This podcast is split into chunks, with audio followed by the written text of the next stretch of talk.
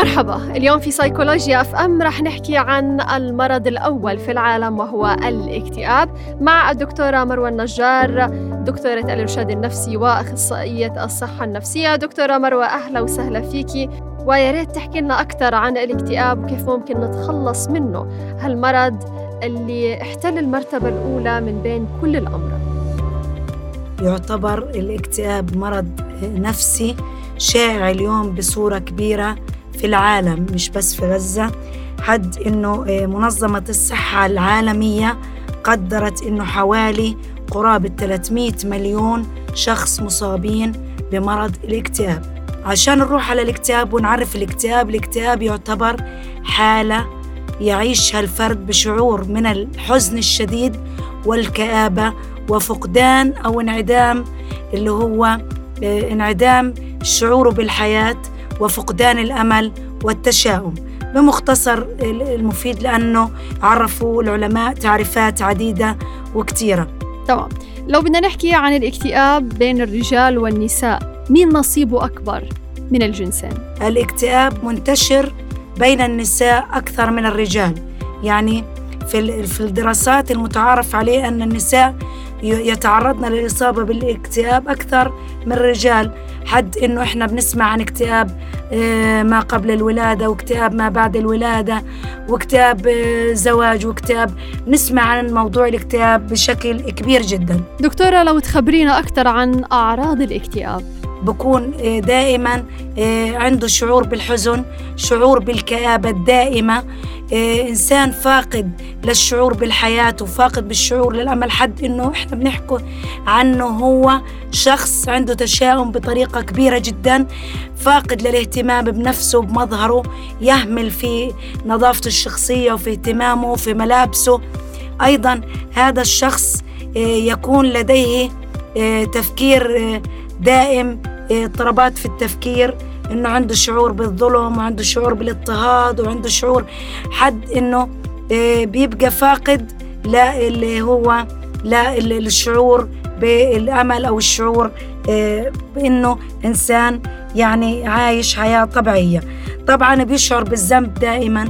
عنده عقدة الذنب وعنده شعور بعدم الثقة بالنفس. يعني إنسان بكون مش واثق من حاله إنسان مش دا مش مش متفائل ما قانت لأنه حكى كتابنا الكتاب الكريم قال تعالى قل يا عبادي الذين أسرفوا على أنفسهم لا تقنطوا من رحمة الله.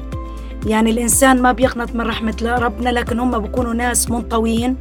المرض الوحيد اللي ممكن يتحول من عصاب لذهان يعني يصيب العقل وأن 70% من الانتحارات الناجحة حول العالم سببها الاكتئاب. دكتورة أسباب الاكتئاب كثيرة خبرينا عن بعضها. الاكتئاب له أسباب عديدة.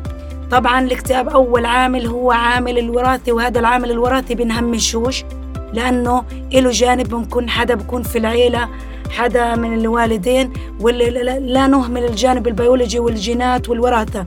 لكن في عوامل عديدة منها اللي هو ضيق الحال منها الفقر منها البطالة منها الأمور السياسية الأمور الاقتصادية.